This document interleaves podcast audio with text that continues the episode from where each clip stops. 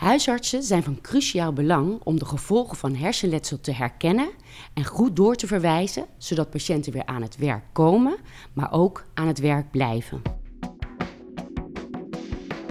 Welkom bij de podcastserie van Daisy Medical Partners, waarin Maarten Lefevre in gesprek gaat met artsen, patiënten en patiëntverenigingen om met elkaar te streven naar een optimale kwaliteit van leven voor patiënten. We zijn vandaag de gast bij het revalidatiecentrum Heliomare in Wijk aan Zee, waar we praten met professor Koen van Bennekom, hoogleraar arbeidsparticipatie, en Annemarie van der Sar, oprichter van de Van der Sar Foundation, over reïntegratie op de arbeidsmarkt voor patiënten met hersenletsel en dan specifiek gericht op de rol die de huisarts kan innemen in dit proces. Koen, hoogleraar arbeidsparticipatie, wat mogen we ons daar precies bij voorstellen? Ja, dat is inderdaad altijd lastig uit te leggen. Maar in, in principe, uh, het is niet arbeidsparticipatie. Ik ben hoogleraar revalidatie en arbeid bij het Cornell Instituut van het AMC. En wat we daar doen is met name wetenschappelijk onderzoek. Maar ik ben bijzonder hoogleraar. En dat uh, voordeel daarvan is dat je een klein deel van het, uh, van het wetenschappelijk gebied kunt nemen. Ja. En daar ook veel aandacht aan kunt voor kunt vragen aan het werkveld. Dus ik ben met name een soort missionaris om aandacht te vragen voor mensen met hersenletsel die weer aan het werk willen. En, en wat gebeurt er nu precies bij patiënten die hersenletsel hebben en, uh, en uitvallen op de arbeidsmarkt? Um, ja, ik zou toch op de vorige vraag ook nog iets willen aanvullen. Het is niet alleen aandacht vragen als ambassadeur, zou ik maar zeggen, maar ja. we doen ook onderzoek, we gaan aan congressen, uh, we, de, we, doen, uh, we, maken richtlijnen, we maken handboeken. We proberen eigenlijk op allerlei vlakken aandacht te vragen voor mensen met hersenletsel die aan het werk willen of wel moeten. Hè. Um, de, de, effecten op de, het leven van de patiënt is, enorm waarbij het werk uitvalt. Natuurlijk de eerste impact van, uh, van de beroerte of van een ander traumatisch hersenletsel uh, is, is al groot. Maar je vervolgens raakt ook je werk nog vaak nog kwijt. In ieder geval kom je in een probleem met je werk. Um, veel uh, artsen en revalidatoren denken van... nou ja, weet je, als je eerst maar gaat lopen en zich aan kan kleden... dan, dan na gaan we naar werk kijken. Maar mijn ervaring is dat mensen vanaf dag één zich al druk maken over... komen we weer aan het werk. Werk is heel belangrijk voor mensen. Werk geeft invulling aan je leven. Het is een financiële inkomstenbron natuurlijk. Het geeft status. En als het wegvalt, uh, dan raken toch mensen in een, in een isolatie. Dan raken toch vaak eenzaam. Dus ik denk dat het enorm van belang is om aan het werk te blijven, ook al is het maar deels. Ja, ja ik kan me goed voorstellen. En um, ik kan me ook voorstellen dat het impact op het sociale leven uh, van mensen heeft. Uh, kan je daar een voorbeeld van geven? Ja, nou je moet je voorstellen dat je opeens gewoon thuis komt te zitten. Hè? Um, uh, een man of vrouw komt thuis te zitten en dat, dat heeft een enorme impact op het sociale leven. Uh, van de andere kant zie je ook dat mensen heilig hun best doen om weer aan het werk te blijven. En daarbij op de top van hun tenen moeten lopen, waarbij vervolgens dan privé allerlei zaken fout lopen. Dus je moet echt wel een balans zoeken tussen je privé en je werkleven. Ja, en uh, je zegt het al dat bepaalde zaken uh, dan fout lopen. En is de huisarts uh, de eerste zorgverlener die de patiënt belt als een persoon uitvalt op zijn of haar werk? Nou, dat, hangt een beetje af van de fase waarin die persoon zit. Kijk, als de persoon uitvalt en in het ziekenhuis terechtkomt met bijvoorbeeld een beroerte, uh, dan gaat er wel een heel draaiboek lopen, waarbij ook de bedrijfsarts na zes weken contact opneemt en dan komt de hulpverlening wel op gang. Maar in een latere fase, als bijvoorbeeld iemand weer aan het werk is na het hersenletsel uh, en dan vervolgens terugvalt uh, in het werk, uh, dan wordt het vaak door de werkgever gezien als een soort burn-out of andere problematiek. En dan is het heel belangrijk dat de huisarts ook denkt aan hersenletsel wat in het verleden gespeeld heeft. En daar vragen we tegenwoordig wel veel aandacht voor. Ja, en, en dus daar moet hij alert op zijn? Ja, daar moet hij alert op zijn. En dat kan je natuurlijk ook zien, in, in, als het goed is staat in de historie ook dat de persoon een hersenletsel gehad heeft. En het is belangrijk om dat in mee te nemen in het hele verhaal. Want dat heeft een andere aanpak dan wanneer iemand een, bijvoorbeeld een burn-out zou hebben. En Annemarie, eh, je bent oprichter uh, van de Edwin van de Sar Foundation, die de handen in één heeft geslagen met de Hersenstichting. Dat klopt. Uh, hoe is dat uh, precies tot stand gekomen? nou, wij zijn tien jaar geleden begonnen. Uh, ik heb zelf hersenletsel ondervonden. En daarin miste ik in, in het traject eigenlijk... je wordt heel goed geholpen in Nederland in de zorg. Maar het stukje als je dan thuis komt... dan begint pas eigenlijk het echte werk. En ja, daar miste ik een stukje in. vooral echt die directe handvaten en een langer hersteltraject. En dat hebben we samen met, onze ja, met mijn man opgepakt. En in die tien jaar zijn we verschillende projecten gestart, zoals zwemproject, beweegproject, duo fietsen eigenlijk vooral echt activiteit. En vooral ook um, ja, weer meedoen in de maatschappij. Wat heel erg belangrijk is. Niet thuis zitten, want van thuis zitten je ja, meer achteruit dan vooruit. Ja. Maar echt onderdeel van de maatschappij uh, blijven. En, uh, maar wel kijken, wat kan je nog? Want het is natuurlijk een... Ja, er is wat veranderd als je zoiets overkomt. Nou, prachtig initiatief. Ja. En wat zie jij nu bij jongeren die buiten de boot vallen in het dagelijks leven, wat je, wat je eigenlijk ook een beetje zelf hebt ervaren? Nou, als het je dus overkomt, dan uh, ben je eerst heel erg bezig uh, te herstellen dat je fysiek weer veel dingen kan. Maar daarna uh, wil je ook weer, wat we al zeggen, terug aan het werk. Ja. Dus niet meer um, zoveel de stempel van ziek zijn of uh, het wat eigenlijk niet kan, maar juist kijken wat er nog wel kan. En daarin is natuurlijk ook uh, weer aan de slag en aan het werk gaan. En dat is dat stukje wat de klas daarin ook uh, doet. Ja, de klas, daar, daar komen we straks op. Dat is ook een van de mooie initiatieven van de Edwin van der Sar Foundation. Um, en, en hoe ervaar jij nu de rol van de huisarts als een jongere met hersenletsel ja, moeite heeft om te functioneren binnen zijn werkomgeving? Nou, de huisarts moet van alles afweten. Uh, het is belangrijk dat de huisarts goed doorstuurt en ook verwijst naar. Want anders krijgen ze eigenlijk uh, ja, verkeerde tips of dingen, of worden ze verkeerd behandeld. En uh, komen ze nog niet uh, terug, goed terug aan het werk. Ja, en, um, en in de sociale omgeving? Nou, wat, wat Koen ook al zei, hè, het, is, het heeft impact op je gezin op familie, op vrienden, op werk. Um, uh, als je denkt hetzelfde werk nog te kunnen doen, maar je hebt bijvoorbeeld een verlamming of het geheugen werkt niet meer goed of je kan niet meer alle prikkels aan. Ja, dat zijn heel veel impacten. Dus een huisarts uh, is daar essentieel in van een goede begeleiding en een goede doorverwijspunt vanuit een revalidatie of vanuit het ziekenhuis. En uh, Koen, um, hoe zie jij dat? Want welke rol heeft een huisarts om ervoor te zorgen dat een patiënt actief blijft binnen het arbeidssamenleven? Ja, ik denk, ik denk dat de huisarts vooral een, een signalerende functie heeft. Hè, om te kijken of, het, uh, of de klachten die, waar de patiënt mee komt, of dat te maken heeft met het hersenletsel en ook impact heeft op het werk. En dat is wel heel erg belangrijk, hè, want er zijn natuurlijk een aantal verschillende uh, beelden die zich kunnen voelen. Fysiek is natuurlijk eh, duidelijk, hè, dus de verlamming of spraakproblematiek. Cognitief is al wat lastiger, geheugenproblemen, aandachtsproblemen. Maar ook gedragsmatige zaken, zoals overprikkeldheid en snel emotioneel raken. zijn allemaal dingen die toch wat lastig te herkennen zijn vaak voor, uh, voor de huisarts. Dat vragen we wat meer uh, navragen eigenlijk bij de patiënt hoe dat gaat. Ja. En als het dingen zijn, dan is het ook van belang dat het ook een impact op werk heeft. En de bedrijfsarts zou ook kunnen doorverwijzen naar de bedrijfsarts. De een huisarts. De huisarts ja. zou kunnen doorverwijzen aan de bedrijfsarts, ja. Ja, want, want dat, dat was inderdaad een punt uh, waar ik op, op terug wilde komen bij je. Van, hoe zou zo'n huisarts dan kunnen communiceren met, met de bedrijfsarts. Als hij bijvoorbeeld uh, een patiënt ziet en, uh, en, en hij denkt aan hersenletsel. Ja, dat, dat is lastig. Hè? Er zijn wel databases gemaakt voor welke bedrijfsarts voor welk, welke werkgever werken. Maar ook daar is heel veel wisseling in. Dus je hoopt dat de patiënt weet wie zijn bedrijfsarts is. Dat is al een hele klus. Of in ieder geval weten we welk bedrijf aangesloten is als, als arbeidsdienst.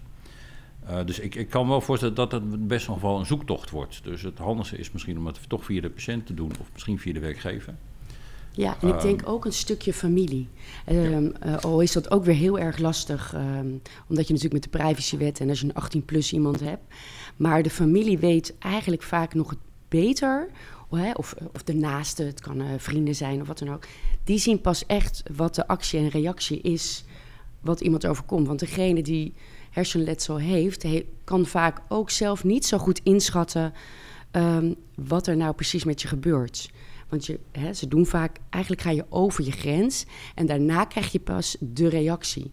Althans, dan spreek ik uit mijn eigen ervaring. En, en soms denk je dat je alles kan en soms denk je juist weer dat je niks kan. En daar is ook in een balans die je. Uh, ja. die ze moeten vinden. Ja, dat klopt hoor. Als, als patiënten van mij naar een bedrijf gaan, adviseer ik altijd om iemand mee te nemen. Want ja. Uh, ja, mijn patiënten willen over het algemeen graag aan het werk. Mijn ervaring is dat de meeste mensen met hersenletsel graag aan het werk willen.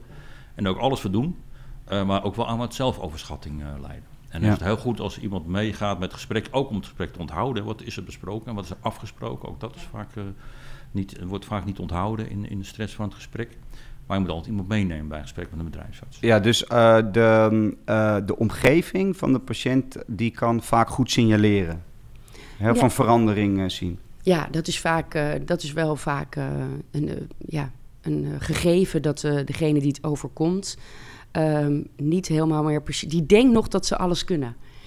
Dat is vaak zo. En de familie ziet dan vaak de gevolgen. Want er kan een karakterverandering zijn. Er kan veel meer vermoeidheid zijn. Um, ja, het overzicht kan weg zijn. En, dat, en geheugen. Dat zijn wel veel dingen die, uh, die uh, bij een gesprek heel belangrijk is. Voor een huisarts, maar ook voor een bedrijfarts. En, uh, ja. ja. Ja. ja, en het lastige is dat het vaak maar momentopnames zijn. Hè? Dus je bij de bedrijfsarts, je doet je je best en je wil zo goed mogelijk uh, presteren. En het lukt ook goed, maar mensen lopen in het werk vaak vast in de duur van het werk. Dus uh, dat lukt het wel om een aantal uur achter elkaar te werken, maar na een dag werken, dan moet ze een dag bijkomen. En dat zie je natuurlijk niet in een gesprek. Nee. Dan moet je het echt uit het verhaal hebben eh, van, van de persoon om deze, om deze persoon heen. En, en uh, kan je, heb jij bijvoorbeeld een succesvoorbeeld waarin een bedrijfsarts uh, hier een rol van betekenis in speelt? Ja, ik denk dat heel veel bedrijfsartsen dat ook heel goed oppakken. En echt een hele rustige opbouw uh, maken, uh, waarbij je start met, met werk wat, wat, wat klein van opzet is, waar ook supervisie op is, waar geen tijdsdruk op zit, uh, niet gelijk alle drukke vergaderingen en dergelijke. En dat langzaam het opbouwen ook in tijd. Ja. En dan echt moet per persoon bekijken waar de grens ligt. En die kan ook nog wel eens per dag en per week verschillen. En dat maakt het wel een uitdaging voor de bedrijfsarts. Ja, dat kan ik me goed voorstellen. En het is belangrijk dat uh, jongeren met hersenletsel goed worden begeleid, hè, zodat zij weer betekenisvol onderdeel van de maatschappij uit kunnen maken en een gelukkig leven kunnen leiden. Uh, Annemarie, op welke manier helpen jullie jongeren bij het vinden van een baan? De jongeren komen of voor een intakegesprek. Dan gaan we uh, ja, het gesprek aan met ze van wat zijn de wensen? Willen ze nog een studie afmaken of uh, waar werken ze nu? En in dat traject gaan we dan bepalen van nou, uh, doelstellingen maken. Wat haalbaar is. Hè? En soms moet je dat ook in het traject aanpassen. Maar het is een heel persoonlijk traject. Ze worden eerst bij de KVB in Zeist op hun conditionele getest op verschillende dingen. En ook dat weer aan het eind. En daarin krijgen ze een jobcoach een sportcoach. En ook uh, krijgen ze verschillende cursussen bij voor LinkedIn en bij Randstad. Oké, van hoe kan ik me weer aanpassen um, in de maatschappij? Van oké, ik ben, zo was ik en zo ben ik nu. En waar wil ik naartoe?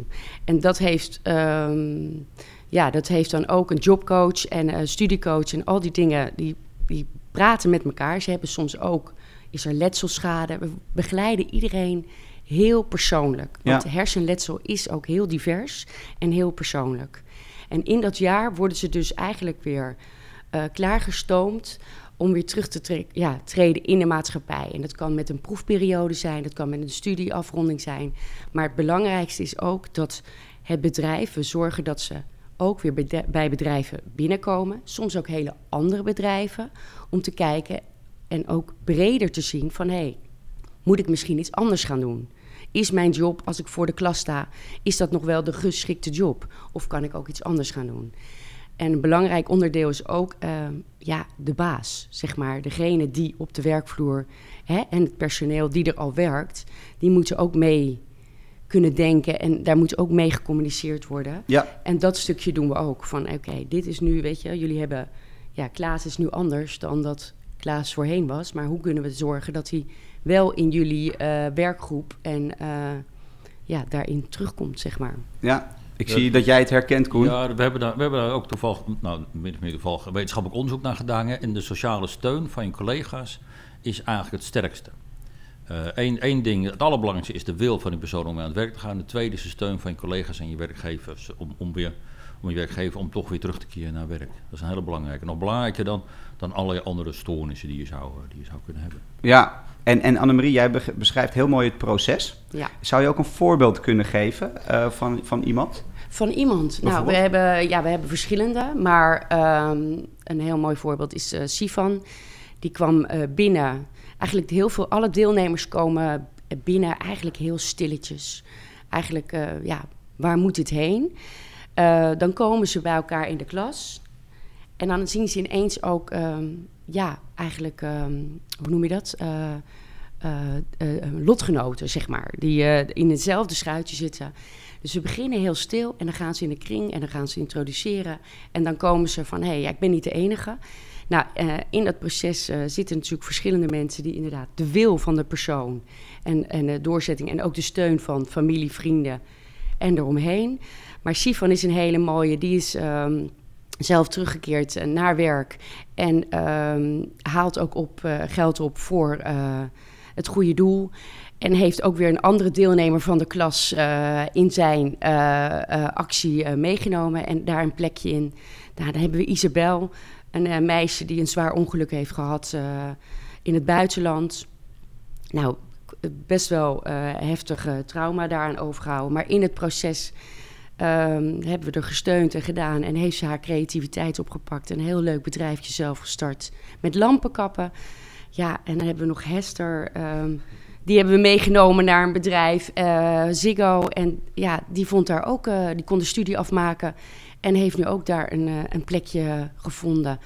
Dus je ziet mensen eigenlijk klein binnenkomen, maar groot, ja, of nou ja, met een rechte rug naar buiten komen. Nou, mooie voorbeelden. En, en je gaf al twee keer, noemde je de klas. Ja. Hè, want jullie hebben een prachtig project lopen genaamd De Klas. Wat, wat doet dit project voor jongeren met hersenletsel? Um, nou, je neemt ze eigenlijk dus bij de hand en uh, we zorgen dat ze terugkomen daarin bij de, bij de maatschappij.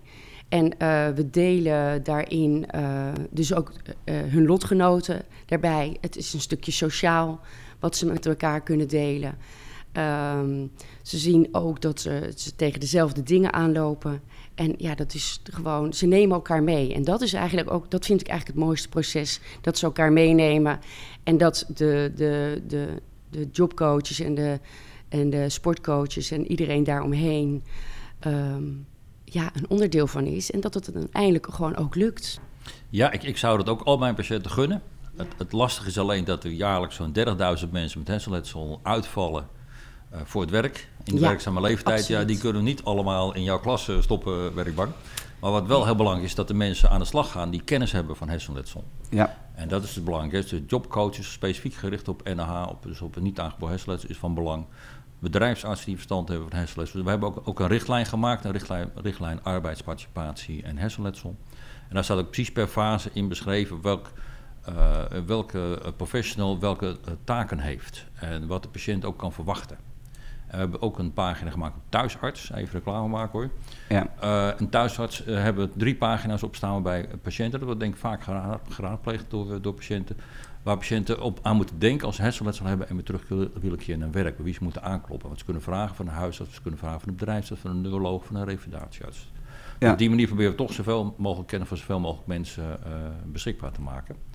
Laat onverlet dit natuurlijk hele mooie uh, initiatieven zijn voor jonge mensen. Ja, ja, ja, dat is zeker. Het is inderdaad een initiatief vooral op dit moment voor jonge mensen. En um, ja, wij, daarom zijn we ook echt samengevoegd met de Hersenstichting omdat uh, ja, wij deden 20 deelnemers per jaar. Maar dat willen we natuurlijk naar, naar, naar 40 of naar 60. En samen met de Hersenstichting uh, kunnen we dat gewoon veel landelijker en veel breder aanpakken. Ja. En uh, daarom uh, is het echt 1 plus 1 is 3. Ja. Maar voor degenen die buiten de boot vallen, vind ik juist ook zo belangrijk dat uh, onze andere projecten, want dat heb ik zelf ook ervaren. Kijk, ik kon niet naar de, naar de lokale gym, omdat het veel te herrie was. Veel te veel prikkels. En dat is met het zwemmen ook. En daarin hebben we speciale zwemgroepen en speciale uh, Meet Me at the Gym projecten waar mensen de doelgroep begrijpen. Dat ze niet Weet je, want je komt tegen fel licht, herrie, prikkels. Uh, ja, daar zit gewoon een ander soort uh, begeleiding in. En dat is heel belangrijk. Maar dat is ook echt ook voor de huisartsen. Als ze dat zien, stuur ze door, verwijzen naar hè, de online site van de Hersenstichting. wat er mogelijk is. Ja, goeie. En, en Koen, um, we hebben, je, je noemde al een paar voorbeelden. Uh, waar de patiënt wat aan kan hebben. Um, uh, maar wat zou die ook uh, zelf kunnen, um, kunnen ondernemen, zeg maar, om bepaalde vaardigheden weer eigen te maken? Nou, er is tegenwoordig natuurlijk heel veel informatie te vinden over hersenletsel. Hè. Dat is ook, dat is ook erg, erg hot, het onderwerp, al een aantal jaren. Dus in alle bladen vind je iets over hersenletsel. En dat is tegelijkertijd ook wel een, een valkuil, want iedereen roept maar van alles. En, het, en, en hersenletsel is, is, is niet hetzelfde als hersenletsel, maar zeggen. Je hebt heel verschillende soorten hersenletsel. Ja. En zeker met die term niet aangeboren hersenletsel wordt alles een beetje op één hoop geveegd. En er is wel een verschil of je een hersentumor hebt, of een hersenbloeding hebt, of een hersenontsteking gehad hebt. En ook de aanpak is anders. Ehm, en, wat patiënten zouden kunnen doen is een, nou ja, een, een, betrouwbare bron van informatie zoeken. Nou, ik denk dat de Hersenstichting daar zeker uh, een site voor heeft. Ook hersenletsel.nl is een betrouwbare bron van informatie. En ik denk dat dat belangrijk is. Want anders ja, verval je toch in allerlei ja, toch, toch wel vage uh, pagina's op, op internet. Ja. En daar staan we heel veel uh, tips in. wat bijvoorbeeld patiënten heel vaak ervaren is vermoeidheid. Nou, ook daar staan tips in. Ik heb steeds meer zelfhulpprogramma's waarbij je zelf aan de gang kunt met dat soort zaken. Maar mijn ervaring is wel dat je daar toch wel begeleiding op nodig hebt. Om dat, om dat toch goed gunstig af te roepen. Ja, ja, dus eigenlijk alle zorgverleners en het hele team wat net genoemd werd, uh, draagt sterk bij aan het. Uh, ja, terug... maar mensen, mensen kunnen wel veel zelf doen al. Hè? Uh, dus ik ben ook een beetje bevreesd voor, voor een stukje bemoeizorg. Hè? En dat, dat, ik zie ook wel eens mensen die komen van ja, ik wil graag het etiket niet aangeboden hebben, want dan krijg ik zorg. Ik denk dat mensen ook heel veel zelf wel kunnen doen. En ja, dat is natuurlijk ook een beetje een marktmechanisme speelt. Er is natuurlijk heel veel momenteel aanbod op het gebied van de begeleiding op hersenletsel. En ik ben zelf wel erg van dat mensen ook zelf al aan de slag kunnen. Ja. En daar zou denk ik wel meer aan gewerkt worden. Misschien is dat ook wat voor de hersenstichting. Om toch een soort zelfhulpprogramma's neer te zetten waarbij mensen toch ook zelf aan de slag kunnen. Mooie tip, mooie ja. tip. Ja, er is ook een, uh, een, uh, een, um, een app waar mensen dus bijvoorbeeld oefeningen kunnen doen. Het ommetje is al heel, heel belangrijk. Ik denk dat het vooral uh, de naaste, de familie, um, um, zorgen dat ze structuur behouden, uh, een dagritme houden en um, op uh, welke manier ook een klein beetje in beweging blijven. Ja. En dat is eigenlijk, en ja, soms, sommige mensen hebben gewoon een langer traject nodig. Ik heb ook gezien dat ik dacht van, oh ja, tegen mij zeiden ze ook, nou je hebt geluk gehad tot hier en uh, ja, succes ermee. Maar uiteindelijk is er nog echt wel heel veel te winnen. En inderdaad, het ligt echt eraan wat voor soort hersenletsel je hebt. Maar ik zie in het project de klas, maar ook mensen die meedoen aan de gym of aan het zwemmen, dat je heel langzaam toch, als je op de juiste manier geprikkeld wordt, best nog wel meer je conditie of je uithoudingsvermogen kan verbeteren. Waardoor je ja, ook weer meer aan kan op een dag. Ja, ja het, het, ik, ik doe ook nooit uitspraken over de prognose. Dat wordt vaak gevraagd. Hè, wanneer is het herstel nee, over? Ja. Het herstel dat, dat is niet over. De, de, fysieke herstel is toch, is toch vaak na, na drie maanden, drie tot zes maanden wel, wel, wel uitgespeeld. Maar uh, je kunt daarna nog steeds verbeteren in je functioneren. En uh, dat zit hem in het omgaan met de vermoeidheid, omgaan met de overprikkeldheid. En je kunt op die manier toch veel meer uit je leven halen door er op de goede manier mee om te gaan. Ja. ja. En kleine wel... uitdagingen aan te gaan, ja. voorzichtig. Ja, ja helder. En, en um, uh, Annemarie, je gaf al goed aan de rol van de huisarts goed doorverwijzen. Ja. Zou de huisarts ook een rol kunnen aannemen voor jouw project De Klas? Uh, zeker. Uh, ik denk in combinatie met de bedrijfsarts uh, zijn ze mega belangrijk. Al weten ze van het project, dat is al heel mooi. En uh, over de andere projecten die, die we doen, ja, dat is alleen maar mooi als, je, als, je, als ze doorgestuurd worden en dat wij in gesprek komen met de kandidaten, zeg ja. maar. Ja, en, en uh, uh, die omgeving, daar wil ik nog even op terugkomen. Jullie gaven aan dat die omgeving zo belangrijk uh, was. Um, voor het herkennen van uh, gedragsveranderingen. Um, maar kan, kan, de omgeving ook een rol aannemen om weer terug te reïntegreren met werk of op sociaal vlak? Nou, we hebben bijvoorbeeld, wij zien heel erg, uh, wij doen ook echt gesprekken met de klasdeelnemers, maar ook echt met de ouders. Omdat daar een heel groot verschil in verhaal zit. En um, uh, uh, de ouders krijgen soms ook hun kinderen weer thuis. Want, uh, of nou ja, kinderen, volwassenen, dat ze niet, niet meer kunnen werken, de huur niet meer kunnen betalen. Of niet meer kunnen rijden en zorg nodig hebben. Dus dan komen ze vaak weer terug. Nou ja, als je 25 bent en je moet weer ineens, of 26 en je komt weer thuis. Dus daar zit een ander verhaal in. Dus sommige ouders hebben belang van ja, ga maar werken. En sommige ouders gaan heel erg in bescherming. En zeggen, oh, rustig aan, we willen dit niet nog een keer meemaken. En daarin proberen we de juiste balans te vinden van nou, probeer ze juist te stimuleren. Laat ze wel een pakje melk halen, al gaat het een keer verkeerd.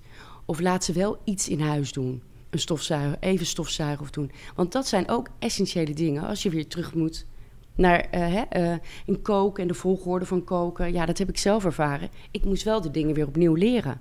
Dus dat is vanuit huis is het al belangrijk. Want anders is die gat van werken, van thuis niks doen en naar werken uh, ook heel groot. En ook van niks doen thuis op jezelf gaan wonen. Ja, dat, dat kan niet. Dus dat moet ook langzaam opgebouwd worden en langzaam begeleid worden. Dus ja, ook daarin een, een belangrijke stimulans van uh, ja, ja. voorzichtig klein dingetjes, ja. Ja, ik zie er nog wel eens een gevaar in. Hè? Dat, dat zeker bij ouders speelt het nog wel eens dat ze hun, uh, hun zoon of dochter als een soort project gaan zien.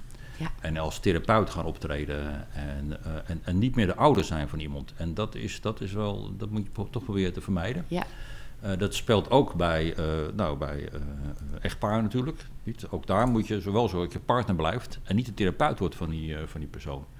Nee, want andersom staat er ook soms wel eens een gevecht. Want soms, ja, ik was in het begin ook een beetje passief. Ik hoefde voor mij niet allemaal zo nodig. Omdat ik de kracht en de energie niet had. Ja. Maar dan moet je wel de juiste balans vinden om dat toch heel voorzichtig. Uh, maar ik weet uit de ervaring ook dat er andere, uh, ja, dat er ja, conflicten ontstaan. Dus dat moet een beetje rustig... Ja, en ook, eh, ook waar uh, ja, andere zonen of dochters uh, nog in het gezin zijn... Ja. die vervolgens minder aandacht krijgen. Ja. Dus, dus het is best wel een balans wat je moet ja. ja, het vergt nogal wat van mensen. Het ja. En van de omgeving. Ja, heb je niet, ook niet alleen, hè? Nee, nee. Dat heb je ook samen, inderdaad. Nee, wij doen ook de ouderkinddag. En daar zijn dan eigenlijk kleine kindertjes die het hebben. En dan zie je ook de impact op uh, ja, wat het op een gezin heeft. Ja. Ja. ik kan me voorstellen.